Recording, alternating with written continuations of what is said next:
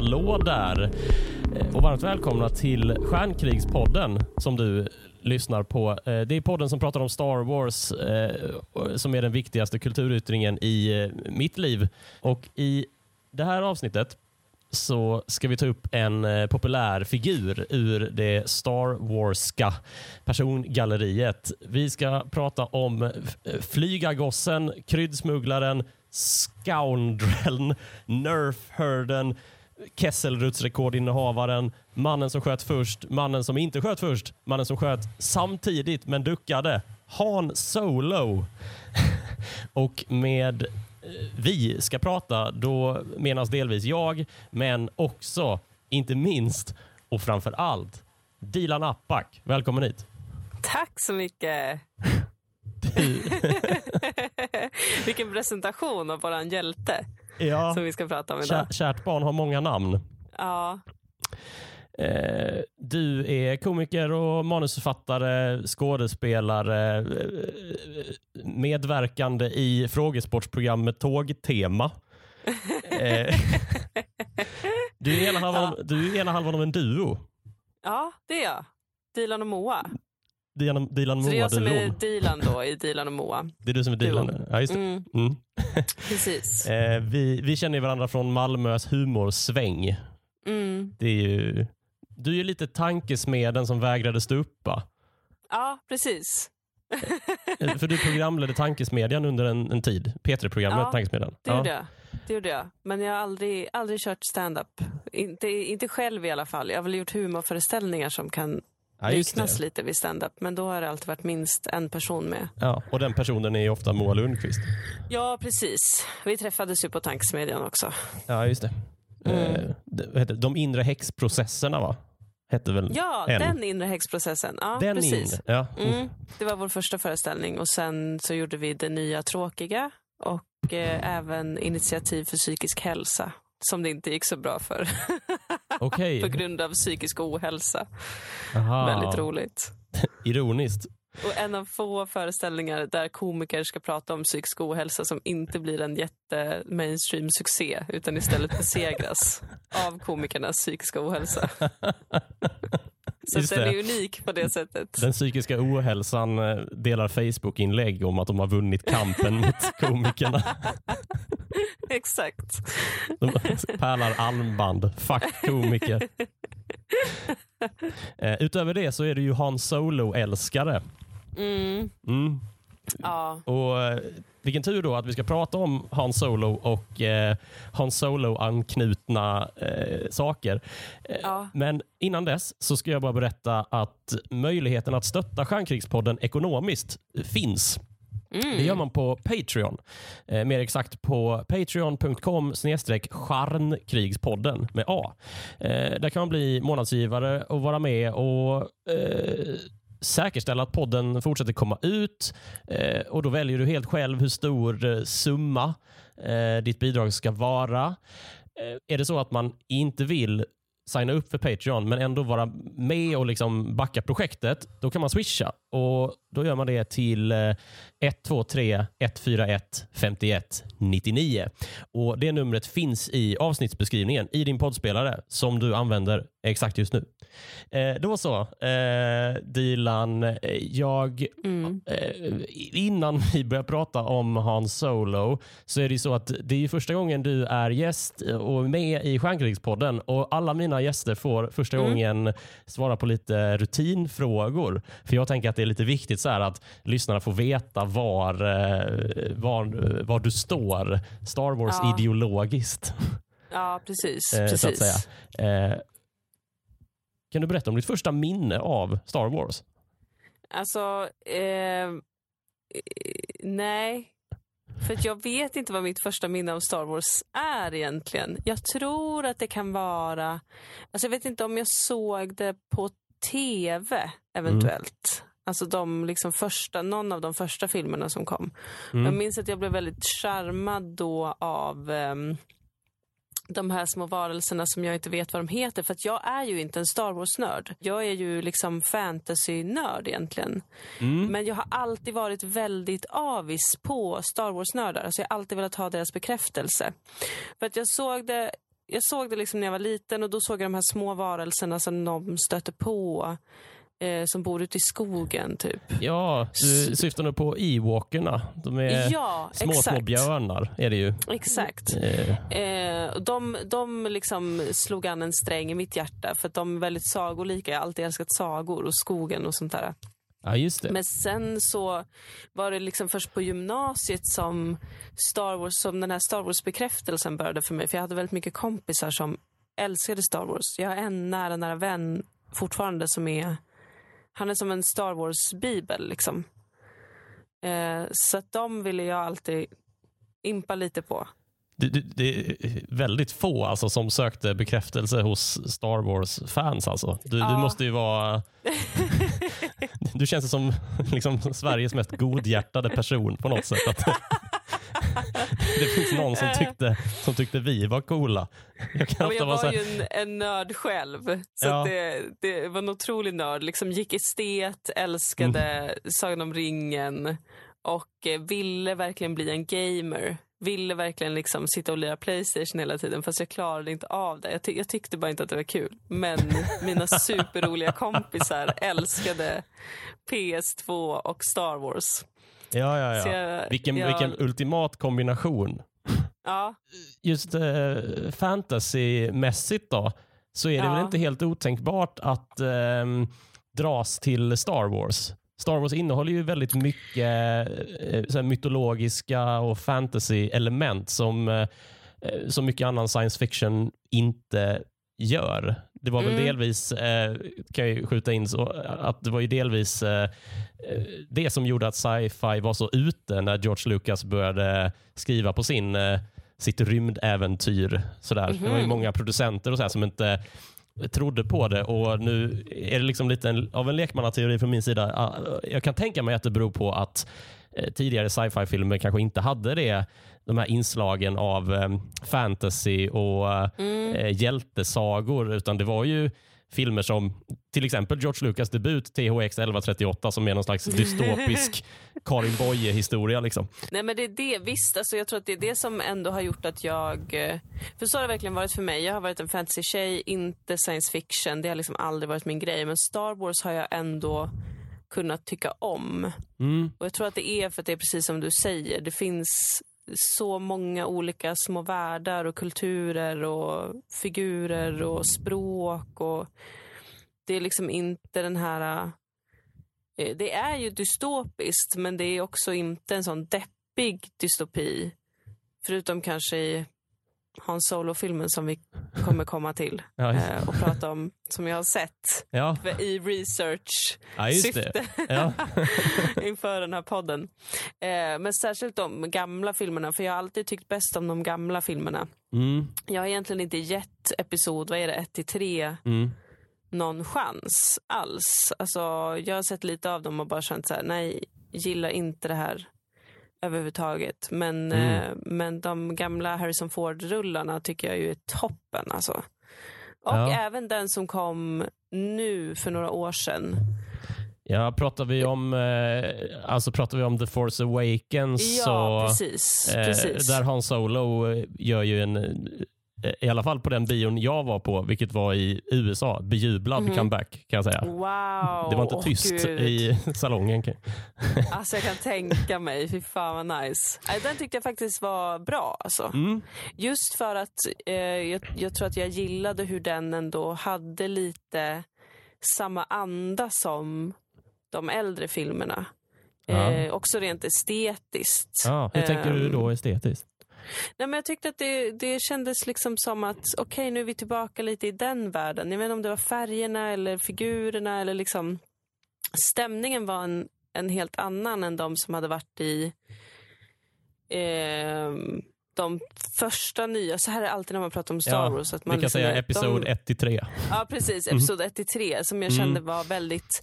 Det blev som väldigt modernt och väldigt rent och väldigt lite, ja, men kanske lite för mycket sci-fi Ja. för min smak där. Ja, just det. Ja, men jag tror många fans eh, eh, känner igen den här formen av eh, intryck. Jag gör det i alla fall. att eh, min, min bild av episod 1 till 3 är det, det är filmer som jag tycker är väldigt bra, ska understrykas, men eh, det, de, de saknar lite av eh, det här eh, som brukar prata, kallas för used universe. Mm. Eh, att det är liksom inte lika skitigt. Det var mycket det som Nej. George Lucas hyllades för, att han, hans eh, sci-fi-värld var liksom eh, eh, begagnad på något vis. Mm. Att Det var inte folk som gick runt i kritvita rymdskepp med eh, liksom overaller. Eh, Nej. eh, och, och, utan det var folks, folks skepp gick sönder och då var man tvungen att åka till en verkstad och laga dem. För det är så, Mm. ja, men det, det är så bilar funkar för oss. Då måste det vara så som rymdskepp funkar för dem. Liksom. Ja, visst. Mm. Ja, visst, lite skitigt och lite verkligt och också eh, skärmigt. Mm. Alltså jag upplever att det är en mycket mer skärmig stämning i de senare episoderna då än i de tidigare episoderna. Men Mm. nu har inte jag sett de tidigare episoderna så noga ska understrykas. Nej, nej. Ehm, Men nu pratar vi estetik ju. Och det Ja, precis. kan man ja, ganska också snabbt få ett grepp om. Ju. stämning. Mm. Ja, men också lite stämning eh, upplever jag. Ja. Men det kan vara ett fabricerat minne från min sida att det är mycket deppigare stämning i de tidigare episoderna. Ja, just det. Eh, ja, men det. Det är väl inte omöjligt där liksom, du har en filmtrilogi där, han, där Harrison Ford åker runt och skjuter Ja. Yahoo! Och sen så har du en annan filmtrilogi som, som liksom, vars grundpremis är att en handelsfederation har upprättat en handelsblockad runt en Ja. planet. Det, det är ju, alltså Kanske, kanske jag svär i kyrkan, men det gör jag ju ganska ofta i den här podden. Det är ju Ja. lite ocharmigare. Ja, det är Det är lite ocharmigare med liksom, Herregud. intergalaktisk politik än Ja, med, med Harrison Ford. Det måste man ju få som säga. liksom är lite olämplig hela tiden. Ja, ja Det är precis. underbart. ja. Du, ehm, eh, den andra frågan av eh, de av slaget rutin eh, Ja. Är om du var en karaktär i Star Wars, vem hade du helst velat vara då? Alltså jag hade ju helst velat vara... Eh, det står liksom mellan Han Solo och Chewbacca. De är verkligen mina favoriter. Mm. Men jag hade också gärna kunnat vara en sån Ewok. Ewok. Ja. Walk. Walk. Wicket heter ju liksom the, the main Ewok. Ja. ja, men jag hade kunnat vara Wicket. Alltså de verkar bara vara soft folk. Det känns typ som rymdens hobbitar eller rumpnissar. Ja, just det. Ja. Jag, liksom, jag gillar det. Jag Det är gillar nästan exakt är... samma scen ju. Alltså Ja, Leia visst är stöter det. på Wicket versus Ronja Rövardotter stöter på rumpnissarna. Ja. Det är liksom under en stock på något sätt. Mm. Eh, och eh, Intressant är att det är väl inspelat ungefär exakt samtidigt i tiden. Eh, Return of the Jedi eh, som Ja. den, eh, den kommer 1983. Och Tage Danielssons Ronja Rövardotter, den är nog från sent 70-tal, tidigt 80 i alla fall. Om jag inte är helt... jag tror fan det. Eh, ja. Den ena, är Nej, inspelad i, den ena är inspelad i Dalsland, den ena är inspelad i norra Kalifornien. Gissa vilken som är inspelad var. Ja, och vad, vad, vad, liksom, vad är det som gör att de här två kan vara så lika varandra? Är det någon som har snott en idé av någon? Är det bara att kulturen var väldigt homogen då? Är det telepati? Mm. Jag vet inte, men eh, det är fantastiskt. Ja. ja, ja, men jag kan ju förstå det. De är ju... Eh, Ewokerna borde väl eh, klinga in ganska bra i en, i en fantasy-person också. Eh, Mm. med det att de använder pilbåge och primitiva vapen. Ja, gud ja. Och att de är liksom jättevaktiga om sitt och superaggro, men också jättegulliga och Just det. snälla om de liksom litar på en. Ja, om, du Det så, väldigt- om du fick syn på C3PO, skulle du, Mm. det första du tänkte då var att det där är Gud? Just det. ja, det skulle jag. Mm. Och det säger väl allt. ja, antar det. Men du, om, om du ska vara ärlig då. Vem Ja. hade du varit? Vem hade du blivit castad som i en Star Wars-film? Alltså jag tror ändå jag hade kunnat bli castad som... Alltså jag relaterar väldigt mycket till Chewbacca. Mm. Jag hade ett samtal om det här med min kille innan. Eh, och jag var så här, men om du är ärlig, liksom, vem, vem tycker du jag skulle vara? Då var han ändå inne på Chewbacca faktiskt. Ja. Hur motiverar han det? Jag blev extremt nöjd. Eh, men eh, liksom eh, ganska... Kan, kan verka ganska så här... Eh, nej, först sa han fan Anakin. Nej, men, Ja, men ha. du nog en Anakin. Och jag bara, eh, ursäkta mig? Är du rädd för att förlora dem du älskar så mycket? ja, det är jag faktiskt. Och jag skulle säkert kunna vända mig till den mörka kraften för att bara få kontroll i mitt liv. Mm. Men jag är också väldigt hårig. Eh, som Chewbacca. Och jag har ju också en liksom splittrad... Eh, ehm, du vet, så här, "Va- what's my family, what's my tribe? Alltså, vet, så här, vi är ett invandrarbarn till ett folk som inte har ett land och är förtryckta. Precis som Chewbaccas folk har blivit förslavade, i varje ja. fall i Han Solo-filmen. Det. Eh, och är Mm. lite så här, vad ska jag välja, vad ska jag göra? Jag relaterar till Chewbaccas inre kamp. Men tyvärr, jag, jag, jag, det var nog mer så att jag fick med mig kille på att tycka att jag var Chewbacca, men hans instinkt sa Anakin. Och ehm, tyvärr kan det nog stämma. Mm, Jar Jar Binks, för eller emot? för, 100% för.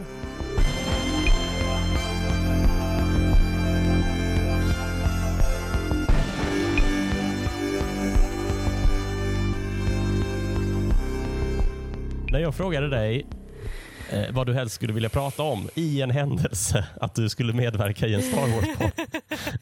Då svarade du Han Solo. Varför gjorde du det? Ja, för att jag älskar honom. Okej. Eh, jag, älskar, jag älskar ju Harrison Ford. Mm. eh, överlag som skådespelare. Som privatperson har jag fått höra att han är ganska osoft. Men ehm, Mm, det har jag också fått höra eh, Ja. av, eh, av någon slags andrahandskälla tror jag. Som är en, en svensk man som eh, börjar på Henrik och slutar på Schyffert. mhm. Men som tydligen, som då känner, eh, nu ska vi se, någon av eh, Alfreds sönerna, Thomas eh, eller Alfredsson heter en regissör. Aha, De är väl gamla ja. kompisar. Eh, som jag har fått veta så, eh, förstått så har Thomas Alfredsson suttit på samma middag som Harrison Ford. Mhm. och ehm, eh, ja, eh, inte haft det så kul. Men alltså jag undrar om det är för att Harrison Ford i verklighet, jag, jag är så nyfiken på, jag har inga, alltså jag har ju typ en sjundehandskälla på det här. Men eh, jag undrar verkligen om det är så att han är, du vet, rakt av ett jävla pissvin som man typ känner lite obehag inför. Eller om han i verkligheten bara är som Han Solo. Ja, vi kan ju bena upp Harrison, Harrison Ford. Han föds eh, 1942 i Chicago, vilket betyder att han är 40-talist. Så Mm. hans förutsättningar för att vara en trevlig person är ju liksom något begränsade. Eller så här, vi, vi kan vara snälla, hans förutsättningar för att liksom klinga väl med, eh, låt oss kalla det vår generation, Mm. de är ju inte De är hundraprocentiga. inte, nej, nej, precis, precis. Men, men jag älskar honom i alla fall. Ja, Men då talar det ju också till för att han också är en liksom mång... miljardär. Ja, precis. Va? Miljardär? Nej, jag Nej. vet inte, men det, det kan vi väl utgå ifrån att det måste han väl vara. Ja, han är i alla fall mångmiljonär. Ja, Nej, men jag tycker han förtjänar allt. Alltså, Han är så duktig skådespelare och, eh, och jag kan tänka mig att han bara är... Gud, det är verkligen så här man pratar när man är i en destruktiv relation, vilket jag är i med Harrison Ford. Ja. Där han antagligen det är hade det här som misshandlat gör mig till psykiskt. det är det här som gör dig till Anakin Skywalker, det vet du va? Den Ja, destruktiva precis. relationen. Ja, ja, men gud! Oh my god, I am him. Where's my fucking force man? I wanna make things fly. Nej men alltså, han är väl bara lite burdus? Mm. Eller? Ja, Kan det vara så? Eller så är han otroligt hög på sin framgång. För Ja, det- han är ju liksom, han är ju en märklig typ av sexsymbol. det, det, ja är, det är ju rätt, ganska lätt sagt om en 78-årig man. ja, men han är fortfarande het. Man blir ju prinsessan Leia omkring honom. Mm. Jag tror att du är inne på någonting här. Ehm, och Jag tror att Harrison Ford började ehm, liksom eh, skapa sin karaktär Han Solo och kanske sin karaktär Harrison Ford eh, Mm. ganska tidigt. Han kom ju in i filmens värld som snickare. Han bygger kulisser Mhm. och dekorer i Hollywood. George Lucas eh, ville ju inte att Harrison Ford skulle spela Han Solo. Eh, han ville inte ens Nej. casta Harrison Ford till Star Wars. Eh, och eh, Det kan man ju förstå sätter lite prägel på en skådespelare. Eh, det var nämligen så här Eh, att eh, ja. Eh, George Lucas han är väldigt mån om att ha okända skådespelare i sina filmer. Eh, han är väldigt så dokumentärt, eh, realistiskt lagd. Liksom. Mm. han vill inte att någon i biopubliken skulle ha någon relation till personerna. Vilket man kan förstå liksom, om det sk- kanske skulle bryta illusionen av en galax långt, långt borta. ja, om om liksom det sitter en du vet en sån där typ av skådespelare som är större än filmen den Mm, medverkar i. exakt. Liksom. Eh, Fan vad bra. Kudos George Lucas. ja. eh, och eftersom Harrison Ford hade ju redan varit med i George Lucas andra film, American Graffiti, Sista natten med gänget. Eh, Mm. Så fanns det liksom inte på Lucas karta att Harrison skulle ens eh, provfilma för eh, rollen. Eh, men som tur är kan jag och jag gissar du också tycka, så fanns Ja. det ju full, folk runt George Lucas som eh, tyckte annorlunda och smugglade in Harrison Ford i liksom castingen på det, på det sättet att han fick liksom läsa replikerna mot de som provfilmade på riktigt. Liksom. Mhm. Eh, Och eh, när man har läst samma liksom, provfilmningsscen några gånger så blir man liksom ganska bra på det. Eh, Mm. Så när han läste mot Leia, då, rollen för Leia, så läste han ju som Han Solo. Eh, Mm. och det, det ledde till att han började liksom leverera manuset mer och mer nonchalant. Och till slut så var han så bra att han liksom Wow. men fick jobbet. Han satt liksom där och var Han Solo. eh, och, och Fan det, vilken jävla dröm alltså. det är en kul detalj som man kan skjuta in i att några år senare så ska ju George Lucas då i egenskap av eh, producent eh, vara med och rollbesätta en ny filmidé som man har om en viss eh, arkeolog med piska som ska heta Indiana Jones. Eh, då är ju naturligtvis Harrison Ford inte aktuell eftersom han precis har varit med i Star Wars. alltså. Men som tur är så hade ju Lucas medarbetare som även den här gången kunde komma med lite input eh, också. Ja. Eh, Steven Spielberg som faktiskt var den som eh, lobbade för Ford eh, i Star Wars från början. Mm. Så vi kan konstatera att George Lucas kanske två bästa rollbesättningar kommer ifrån att han inte fick som han ville. Wow. Det här är så spännande. Mm. Men det känns också, men det är ju det som är grejen. Det är därför han är så perfekt som Han Solo också. För att Han Solo känns ju verkligen som den här karaktären som bara är Alltså som alla är så att du är så jävla jobbig eller du är så odräglig eller du liksom, Mm. ah, sluta hålla på och liksom försöka vara rolig. Men vi behöver dig verkligen. Du är verkligen bäst och du är så sexig och underbar. Och det känns som att Harrison Ford, nu när jag får höra det här, är exakt likadan. Att man bara är så, jag är så trött på dig, Mm. jag orkar inte. Men det finns ingen annan som kan göra det här så bra. Och jag innerst inne tycker att du är skön. Det kanske är det som gör eh, karaktären. Liksom. Att eh, Ja. han är så... Eh, att han vet om att han är så behövd. Ja, ja, att han verkligen inte... Det är det som är så befriande med honom också, att han som inte bryr sig heller. Alltså han kan vara så nonskig och jobbig för att han bryr sig heller inte om vad andra tycker om honom känns det som. Mm. Fast det gör han ju också, men inte med, inte med alla direkt. Nej, han mjuknar ju. Det är väl också Mm. en sån där äh, grej tror jag som rent filmiskt gör en stark karaktär. Eh, I ett tidigare avsnitt av den här podden så har vi eh, nämnt dels Chewbacca och dels en en eh, droidroll, eh, K2SO från eh, spin-off-filmen eh, Rogue One, A Star Wars Story. Mm. Eh, Mm. och det är, den eh, droiden har liksom lite samma roll som Chewbacca. Det är någon slags co-pilot. Eh, men som bara har en bästa vän Mhm.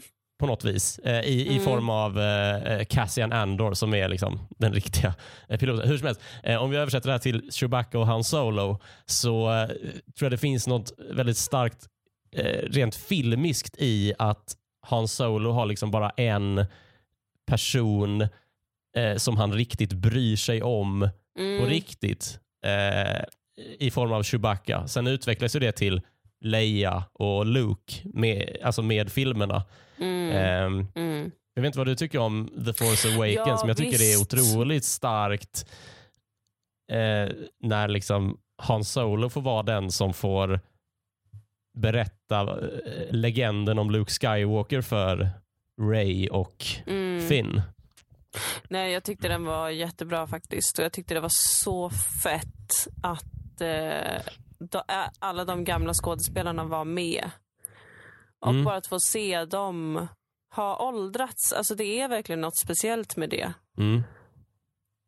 Och verkligen som du säger, bara, oh shit, du, nu får du berätta det här. Som Mm. du Som de inte alls kommer förstå fullt ut, för de var inte där. Men det var du, Han Solo. Och Du får berätta det där som eh, med, med liksom en ganska gravallvarlig eh, Mm. ton. Det där som du tyckte var liksom mumbo jumbo från början. Ja, precis. Och liksom, Ja, det är det som är spännande med hans resa också ju, att det inte bara är liksom eh, Åh, nu, nu börjar jag kanske bry mig om fler personer för att jag typ blir kär i Leia och jag har hängt mycket med eh, Luke. Utan att han också går från någon som kanske har Alltså han är ju en otrolig cyniker på något sätt men som Mm. ändå får något slags hopp för framtiden och sitt community och att det kanske går, att det finns något större att kämpa för mm, än att typ bara smuggla grejer och se till att få in cash varje vecka för att klara sig själv i det här jävla Mm. skithålet. mm. Ja, Det är, precis. något, det, det är en väldigt fin resa tycker jag. Ja, och det, jag tycker det är väldigt coolt att den resan är liksom gjord utom vårt synhåll. För Mm. när vi lämnar Han Solo så är han, visst han har mjuknat, liksom, han är kär och sådär, men han är ju fortfarande liksom, jag löser det här. Fast Mm. jag är inte så bra på att lösa det och det blir lite fel. Eh, han är ju fortfarande ganska mycket gammal, den första Han Solo vi lär känna Mm. i baren eh, måste, på Tatooine. Liksom. Mm. Eh, men sen har det gått, liksom, vad blir det om jag räknar lite snabbt här, 30 år. Ja. Eh, 30 år senare då, då står han där och liksom, ja, jo jag kände Luke. Alltså det är en Mm. helt, annan, helt annan person. liksom. Mm. Eh, det är en sån stark, eh, jag pratar liksom fortfarande om eh, scenen eh, i The Force Awakens när eh, Han och eh, Chewie tar tillbaks eh, Millennium Falcon. Mm. Och det är en helt annan figur som eh, liksom kommer upp för rampen. och sådär. Mm. Ja, ja, jag tycker det är, eh, det, det är väldigt... eh, eh, ja. Ja men det är fint och jag uppskattar det så mycket oavsett vilken genre det är eller vad. ehm, Mm. Det är lite som, jag håller på att kolla igenom Game of Thrones nu Mm. eh, igen för kanske hundrade gången. Ja. Och eh, något som jag uppskattar så mycket i de tidiga säsongerna är precis det där att jag vet att det är så mycket som händer som vi inte får se. Mm. Och det är nice. Alltså jag tycker om att få träffa karaktärer igen och veta att de har varit med om massa saker men jag får det inte direkt. Mm. Utan jag kommer behöva förstå det här utifrån andra saker som händer, saker som man pratar om, hur karaktären är. Mm. Eh, som tittare är ju det jättefint och något som jag tycker man underskattar väldigt mycket idag när man Ja. gör film att, och tv. Att liksom allt ska serveras direkt och man ska få veta allting. Mm. Vilket gör att det tar bort så mycket djup från en karaktär. Ja, och det gäller ju verkligen bara att man får träffa karaktären vid de rätta avgörande tillfällena. Mm. Liksom. Vissa Star Wars-karaktärer och andra filmkaraktärer de kan ju lida av att de har för tunn backstory. Att man bryr sig inte om dem för att eh, man lär inte känna dem. Men eh, Mm. eh, Han skulle jag säga är en sån där figur som man liksom får träffa just vid rätt tidpunkt så att vi hinner pussla, Mm. vi liksom lyckas pussla ihop honom. Mm. Ehm, och nu kanske det är filmintresserade lyssnare kanske upplever det här som självklarheter men det är, Mm. ganska, det är ganska viktigt liksom för eh, tittaren, lyssnaren, publiken att få ett pussel att lägga. Eh, Ja. Det vet inte jag, det kan väl du och jag i alla fall eh, och någorlunda skriva under på som håller på med humor på scen. Mm. Ja, ja, det är ju en jätteutmaning. Alltså när man ska skriva tv och film Mm. nu.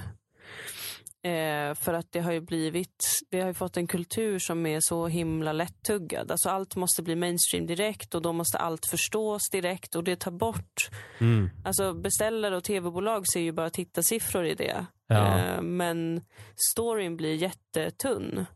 Just det. För att man får inte fantisera själv som tittare. Alltså ens egen fantasi är superviktig men den har ju börjat underskattas jättemycket upplever jag. Ja. Eh, det är supertråkigt. Ja, och du eh, har ju skrivit, eh, skrivit och framfört tv-serier på liksom, Mm. vad är det, 10-talet, sent 10-tal. Mm. liksom. Ja, och där var, det, där var det faktiskt en...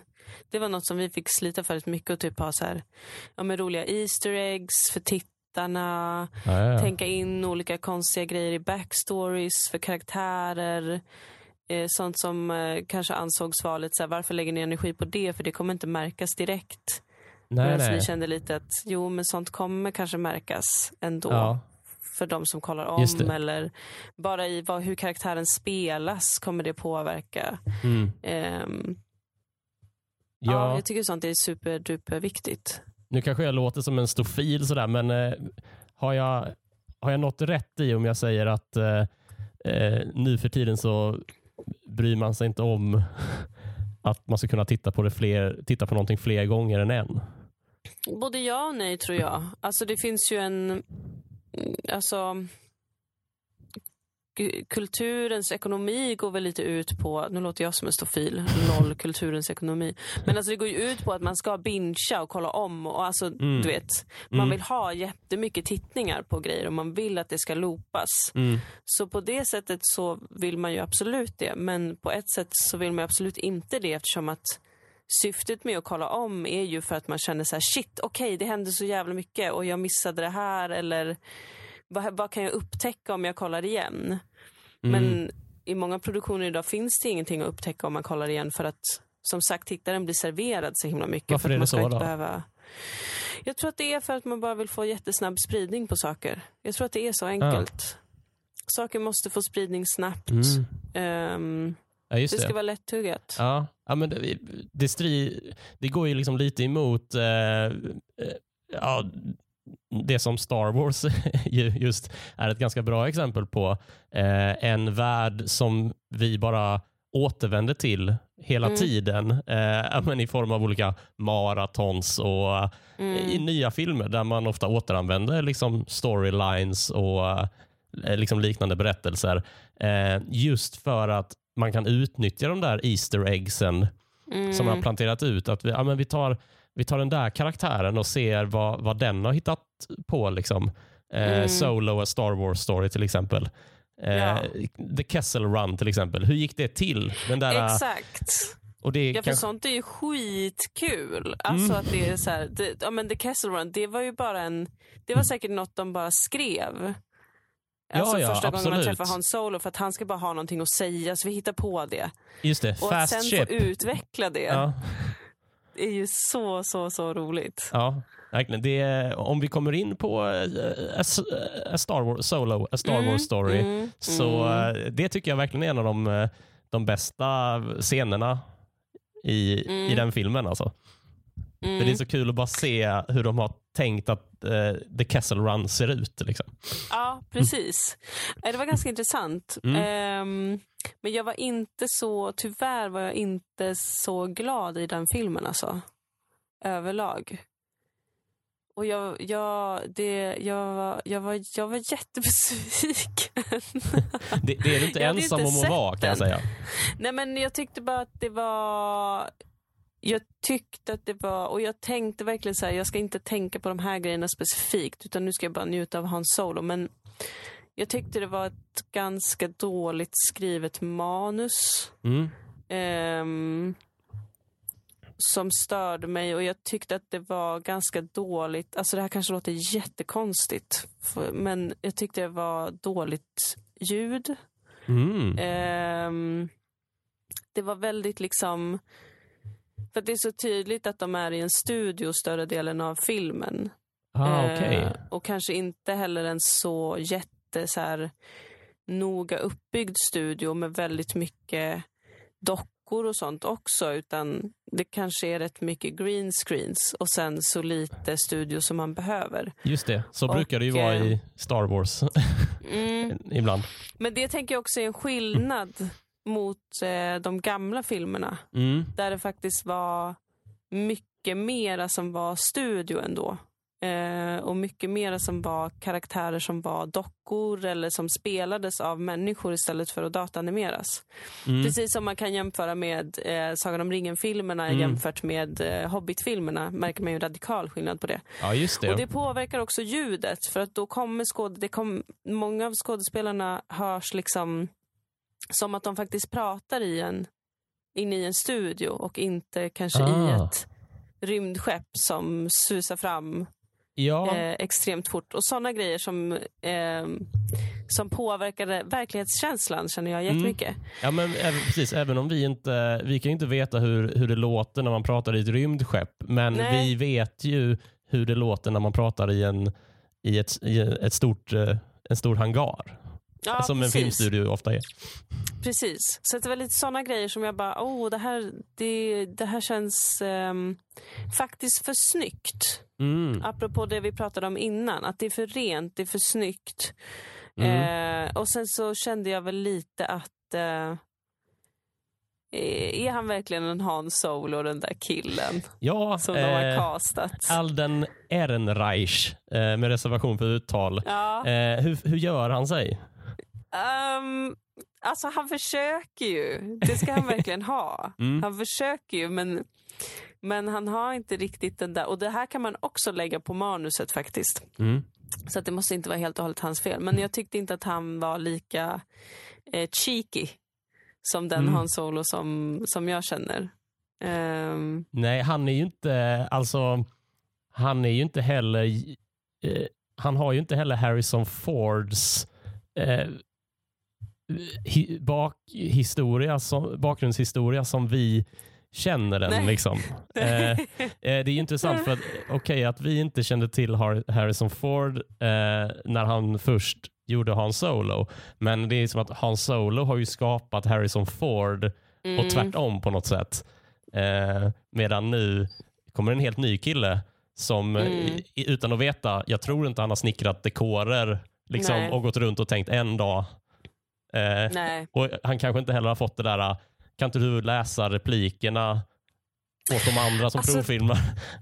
liksom. Nu när jag har fått veta det här Mm. så känner jag bara att alltså, shit vad mycket det ändå måste ha gett karaktären Han Solo. Att som Mm. skådespelare ha fått liksom eh, bli nekad så mycket.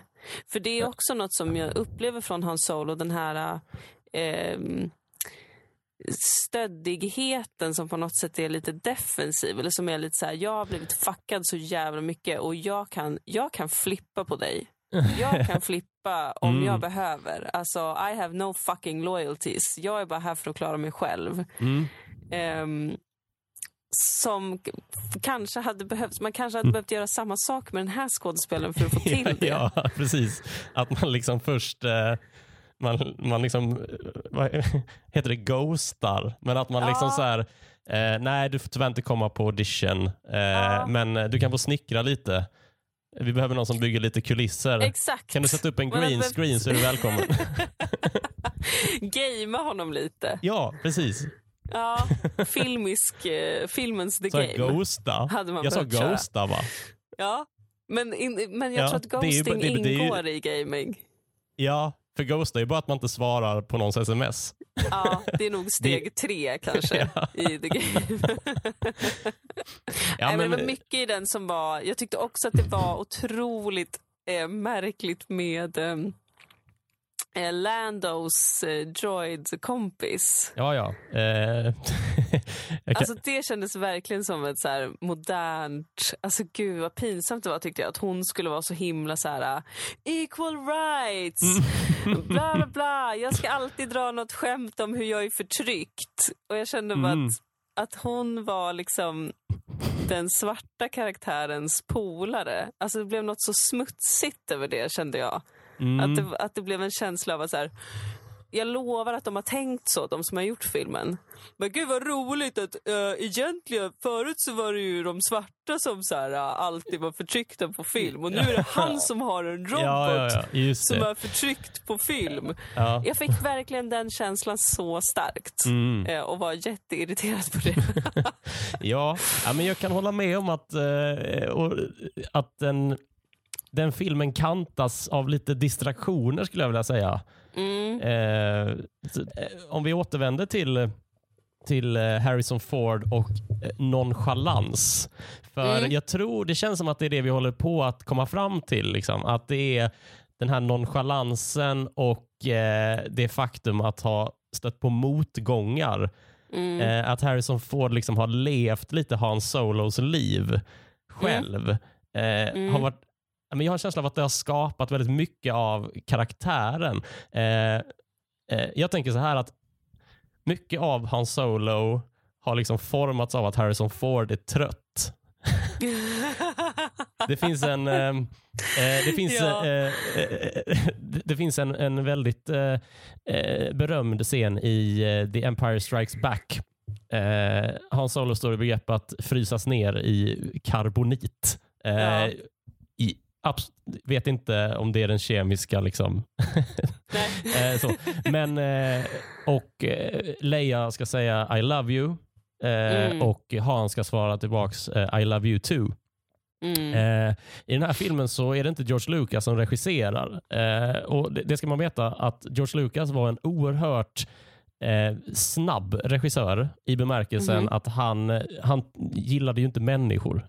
Och det, till Empire Strikes Back då har han anlitat en eh, annan regissör som heter Irving Kershner, eh, kallad Kersh. eh, som är liksom mycket mer av en karaktärs...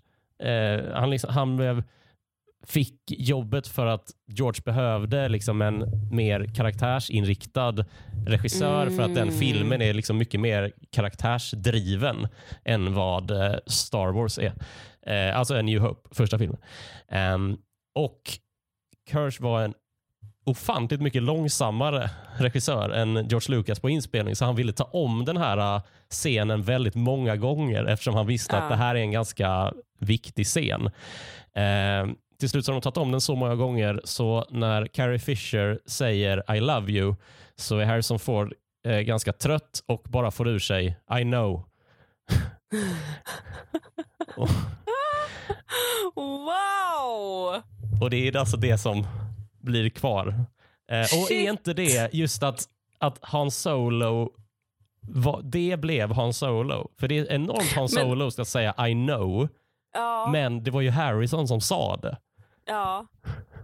Men det är ju, det finns inget, den ena kan inte finnas utan den andra. Alltså det finns inget Han Solo utan Harrison och det finns kanske inget Harrison utan Han Solo faktiskt.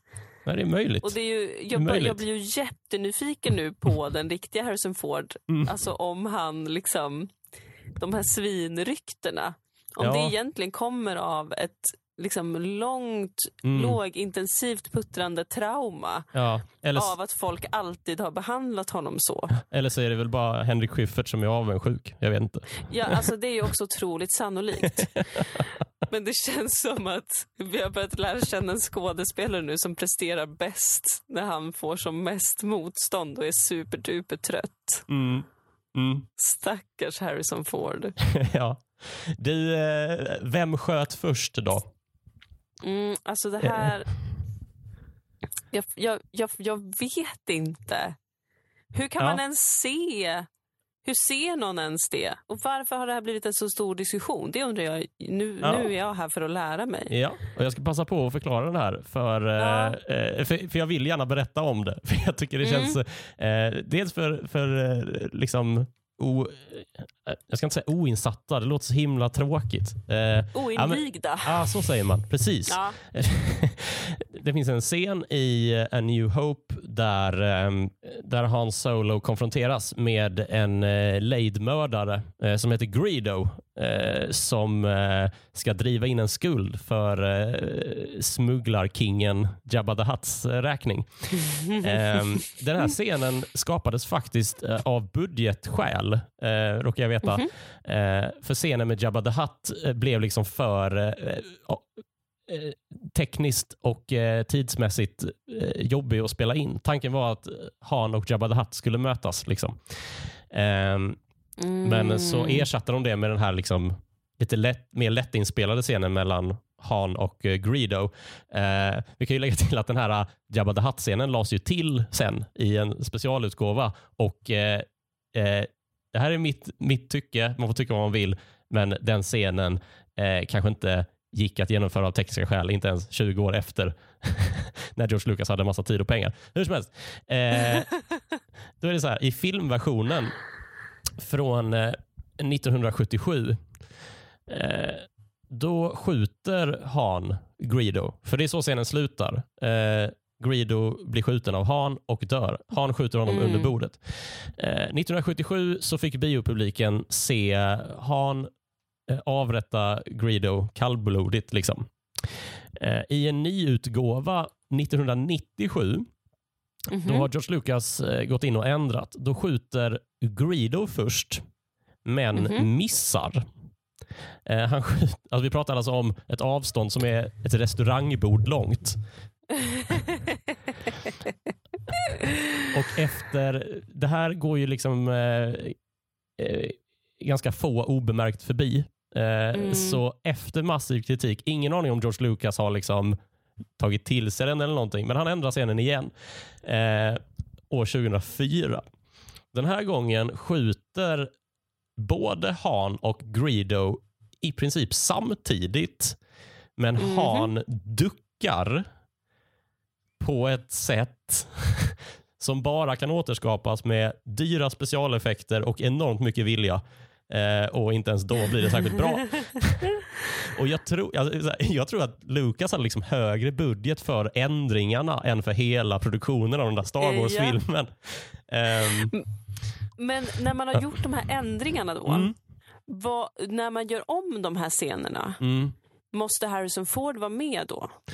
Nej, nej, utan då har man ju bara, eftersom i den allra första versionen, då är det ju bara Han som skjuter. Så det enda Ja. som Lucas har gjort är att han har ju gått in och lagt till liksom ett eh, laserpistolstråle liksom, Ja. ut från, han har ju bara ritat in liksom ett skott från Greedo som går in i, i väggen. Okej. Och i den senaste uppdateringen då, eh, man får känslan av att A New Hope är som så här, om man går in i App Store, att man måste uppdatera Mm. A New Hope hela tiden. För att, eh, ja. men i den senaste uppdateringen, då har de liksom alltså trickfilmat så här, Hans huvud bara åker ner lite åt sidan så att det ser ut som att han duckar. Liksom.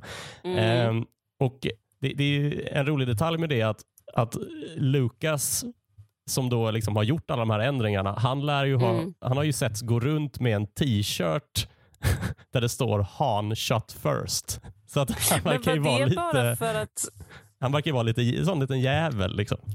Ja, men jag undrar, alltså var det, var, var det liksom var det bara för att folk inte skulle tycka att Hans Solo var liksom en galen sadist eller som man ändrade det? Ja, eh, George Lucas har uttalat sig om det här. Eh, Mm. Han eh, ville ju att Han Solo inte skulle framstå som en kallblodig mördare. Eh, Mm. Det får ju konsekvensen att Greedo framstår som galaxens sämsta skytt. Ja. Eh, han lär ha sagt så här att vill man liksom gå tillbaka och liksom se, är det här mannen som, som Leia ska gifta sig med? Liksom. Mm, Är han en galning? just det. Sen kan man ju titta på hur Han förför Leia i Empire Strikes Back. Och ja, Ja, Vi får väl se om, Ja. om Lucas kanske ändrar sig igen. Det, han har ju Eh, benägenhet ja. att göra det. post 2017.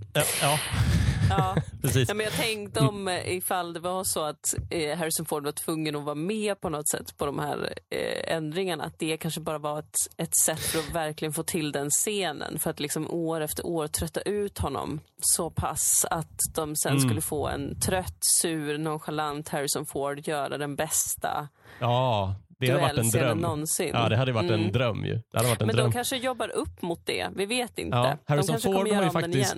Harrison Ford har ju fått eh, frågan om vad han, hur han ser på den här saken Mm. eh, i någon talkshow. Då svarar han så här. I don't know and I don't care. Såklart! Det är klart att han inte bryr sig. Ja. Eller ens vet. Jag älskar Eh, honom. Eh, Paul Blake är ett namn Mhm. som säger ganska få eh, någonting. Eh, men jag råkar ju veta att det är han som spelar Greedo. Mhm. Alltså som, eh, ja. Eh, Ja. Han, han lär ha sagt så här. It was very painful. Och min källa på det här, det finns en egen Wikipedia-sida om den här scenen specifikt. Eh, det Ja. framgår inte om det är själva scenen som gör ont eller om det är ändringen som gör ont. Men jag kan ju Ja. förstå att det måste vara ganska jobbigt att spela liksom en lejd mördare som inte kan lyckas eh, med sitt uppdrag på Du- en och en halv meters avstånd. Det, eh. det känns ju ganska kränkande. Mm. Jag kan ju också skjuta in, om man ska kommentera den eh, liksom, moraliska lämpligheten i att eh, Han Solo är en karaktär som kallblodigt avrättar folk. Eh, Mm. Eller om man då inte är det, så är det att eh, en juridisk expert eh, lär ju ha sagt att, eh, att Greedos beteende i den här scenen utgör ett så pass direkt hot för att rättfärdiga förebyggande självförsvar i USA. Ah, ja, precis. Så om allt det här hade hänt på riktigt Ja. och hänt i USA så hade Han Solo gått fri i rätten. Ja, han hade handlat i nöd. Mm, precis. Så jävla nice. Ja, ja, men då så. Då behöver ju ingen i USA vara ledsen. så gud. Jag älskar att det är att... att jag, sånt där tycker jag är så kul också när det händer. Att det blir en sån... Vem fan var det som sköt först? Mm, alltså Det är så mm. himla... så här, Det har ingenting med handlingen att göra egentligen. Eller liksom, Nej. det är inget avgörande som händer i filmen utan det är bara en liten grej Mm. Han Solo är med om. Liksom. Men att det ändå blir en sån enorm diskussion som ingen kommer fram till. Nej. Och att de har gjort om det så mycket. Det är så fascinerande. Ja, verkligen. Men jag Ja. tänkte också på, eh, du har sagt så mycket spännande och intressant idag om George Lucas. Jag känner att jag bara sitter och lär mig. Men att han, eh, ehm, att han inte ville ha med kända skådespelare. Mm. Det tycker jag är toppen. Alltså, Mm. Inte bara för att det är kul med nytt blod utan också för att det verkligen, som du var inne på, fan vad det ger någonting till det universat då. Att man inte blir distraherad av Ja, jag den tänker personen. det. Liksom. Eh, och eh, visst är det väl så att det är fler, ehm, att det är väl ganska mycket amatörer som vinner Guldbaggar och sånt.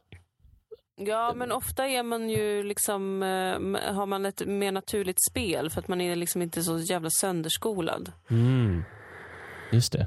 är min teori. Jag Mm. vet inte om det är därför. Men eh, för det tänkte jag också på nu när jag såg Han Solo-filmen. Mm. Att eh, jävlar vilka stora namn. Alltså det var ju, alla var ju vrålkända förutom han som spelar Han Solo. Ja, just det. Det var Eh, liksom inte minst Keira. Woody Harrelson, Tandy Newton, Paul Bettany, hon Emma Clark. Mm. Det, det, nu när vi pratade om liksom hur George Lucas gör så tror jag att jag hade uppskattat det mer också om det inte var mm. såna vrålkändisar. Det kändes väldigt mycket som en sån film som olika agenter har liksom blivit helt utbrända av att försöka Ja. få in sina största skådisar på. Ja. Det bara var en sån skådisrunkfest typ. ja, jo, precis.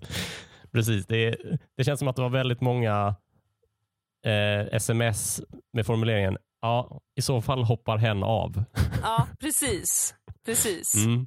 Och det, det, det förtar ju också lite, känner jag nog. Alltså det känns Mm. som att den filmen var mer till för att typ ge en skjuts åt de här skådisarna. Det, du vet, Mm. så här, Mm. det här är ett jättebra jobb för dig. Det är jättemånga som kommer se den. Ja, du det- kommer tjäna jättemycket och du kommer in i Disney-skiten och bla bla bla.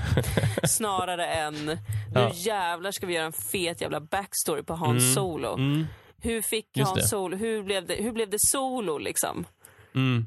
Skittråkigt. Ja, eller hur? Va, äh, vem är du med? Nej men jag reser ensam. Jaha, Han, hmm, Solo. Man bara nej. Nej men på riktigt, Nej, det kan inte nej, vara jag är- här. Jag, är, jag tror att jag tänkte exakt så här. Det får inte vara så här det gick till. Visst, alltså det är ju jättekul om det är något superbanalt. Alltså, jag kan Ja. tycka sånt är jätteroligt. Om det är så här, jaha, oj, jag trodde det var värsta backstoryn så var det bara den här lilla Ja. skitgrejen. Men det var så jävla dåligt. Ja, va, hur fick du ditt namn? Ja, I tullen. Ja. Va? Jag var ensam så då sa de Solo. ja. Ja, Varför döpte de inte honom till Han Alone?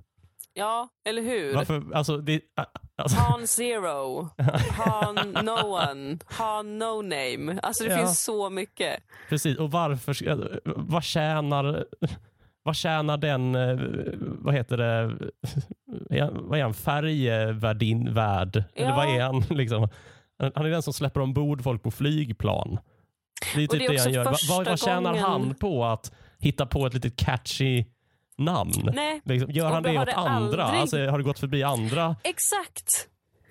Jag menar det måste ju komma jättemånga som inte har något Ja. namn eller som är på... Och då är han varje gång så. Ja, jag vet inte. Ah. Lord Einsam, ja. single, single and ready to mingle I name you. Ja, Yes, next. Precis. Hur ska ni reagera om det var fler? Vilka är ni då?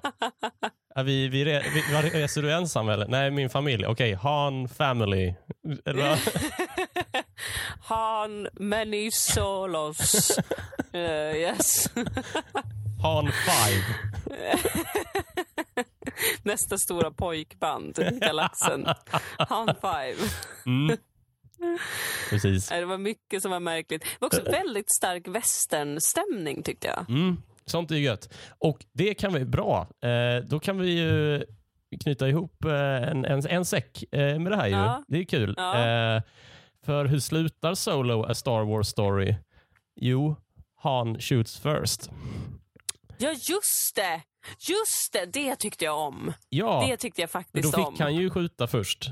Då fick han ju... Ja, det är ju jättevackert. Oh my god, jag ryser nu. Ja, eller hur? Man gör det. Jag älskar sånt här. Det Ja, fantastiskt. Då får vi också, eh, och där tycker jag vi får, det tycker jag är en väldigt snygg scen. Jag tycker det är en fin, Mm. det är en fin blinkning. Den är ju oerhört medveten naturligtvis. Eh, men där säger ju faktiskt eh, Tobias eh, Beckett så här, fan jag hade skjutit dig. Så här, ja, jag vet. Ja. liksom. eh, Ja. Och det känns ju som att det Nej, inte det är Tobias Beckett fett. som säger det. Utan det Ja. där är ju Greedo som säger det. Liksom. Såklart, såklart, såklart. Man får äntligen lite liksom, Mm. vad säger man? Eh, Upprättelse? försoning. Ja. Nej, men eh, något sånt, du Mm, vet. mm. Closure. Ja. Ah, shit, jag vill fan se om den scenen nu för jag tänkte inte Ja. på det då. Ja, det är, det är liksom en väldigt lång film för att sluta en eh, cirkel. Så det är, det är en viktig film, Dilan. Det är en Det är en viktig otroligt viktig film med en cliffhanger får man väl ändå säga som kanske skvallrar om att de hoppades på en till film Japp. som inte har blivit av. Nej, eller? och som det inte verkar vara aktuell. Eh, som jag har förstått. Jag har faktiskt ingen koll. Eh, så, men, eh, Nej. Mm. Nej, jag försökte googla lite på det mm, efteråt men jag hittade inga tydliga mm, indikationer på att det ska fortsätta. Men jag tänker på när eh, Kira mm. eh, Emilia Clarks med... eh, figur. Eh, om vi har några Game of Thrones eh, fans som kanske lyssnar så kan vi säga att det är ju Khaleesi i Page. Mm. Precis. Hon, hon eh, verkar ju... Nu blir det här en spoiler, men det gör väl ingenting. Nej, de är hon, vana. eh, Ja, de är vana. Ja. Men hon verkar ju jobba då för Darth Maul? Mm, Frågetecken. mm. Det är så han heter, va? Yes. Ja. Och det gav ju verkligen känslan av att oh shit, this is gonna continue. What's Ja. this? Ja, ja, planterar verkligen. inför framtiden. Men eh, nej. Och det, tur är väl kanske det. Ja, synd för eh, Darth Maul, Ja. som är en väldigt Verkligen. eh, populär eh, figur bland många. Mm. Det hade varit kul att se. Har vi några fler bästa Han Solo-ögonblick som, eh, som vi inte tagit upp? Alltså hela hans, jag tycker ju att eh, hans och liksom Leias dans med varandra ändå är ganska fet faktiskt. Ja, är vi är eh, Empire Strikes Back eh, nu? Ja, Framförallt precis. kanske. Ja. Och liksom, ehm, jag tycker att det är en ganska gullig kärlekshistoria som också Mm. jag tycker tillför mycket till filmen. För det är alltid så i liksom såna här äh, stora krigsdraman på något sätt som det också är. Mm. ett politiskt spel och det är ganska mörkt och det är ganska svårt. Mm. Eh, att få in lite av mänskligheten i det via de här relations... Alltså det är också spännande hur liksom, Mm. tycker jag relationen mellan Hans Solo och Luke Mm. och liksom all svartsjuka som uppstår där. Mm. Eh, och när man som tittare vet att de här är syskon och man Mm. bara gud det här är så äckligt egentligen. eh, men de tre tycker jag ändå, det är ju inte bara Hans Solo men det är, hela det gänget tycker jag ger så mycket för att man också känner att så här, Just det, det är inte bara teoretiska begrepp om rättvisa och fred som vi kämpar för utan det är också det här. Mm. De här vänskaperna som byggs och den här kärleken som växer fram Mm. som gör det liksom att man som betraktare blir medryckt på något sätt eller också Ja. själv känner att det är värt det. Ja, precis. Och eh, det och ber man mig eh, rada upp eh, mina liksom bästa Han Solo-ögonblick så eh, tänker jag på exakt samma eh, sekvenser faktiskt. Alltså Mm. exakt samma situation. Jag älskar dynamiken på eh, Millennium Falcon när Mm. de liksom är jagade eller de försöker ju bara fly i liksom asteroidfälten och de har liksom stjärnkryssare efter sig. För att det, är- det, det är ju inte bara Han och Leia utan det är ju, det är ju C3PO och Chewbacca också. Och Det är fyra Ja. så olika karaktärer med helt olika drivkrafter inklämda på en så liten yta att det blir så liksom våldsamt intensivt. Och det är Mm. Eh, alltså, jag tycker det är ju, rent filmiskt är det ju genialt. Mm. Att, för det är precis som en sån här eh, improteaterövning. att det är så här, fyra personer instängda i en hiss med Ja. helt olika karaktärsegenskaper, helt olika åsikter om hur de ska ta sig därifrån. Liksom. Vi är Ja. en, en, en som går bara på känsla. Det är liksom Han.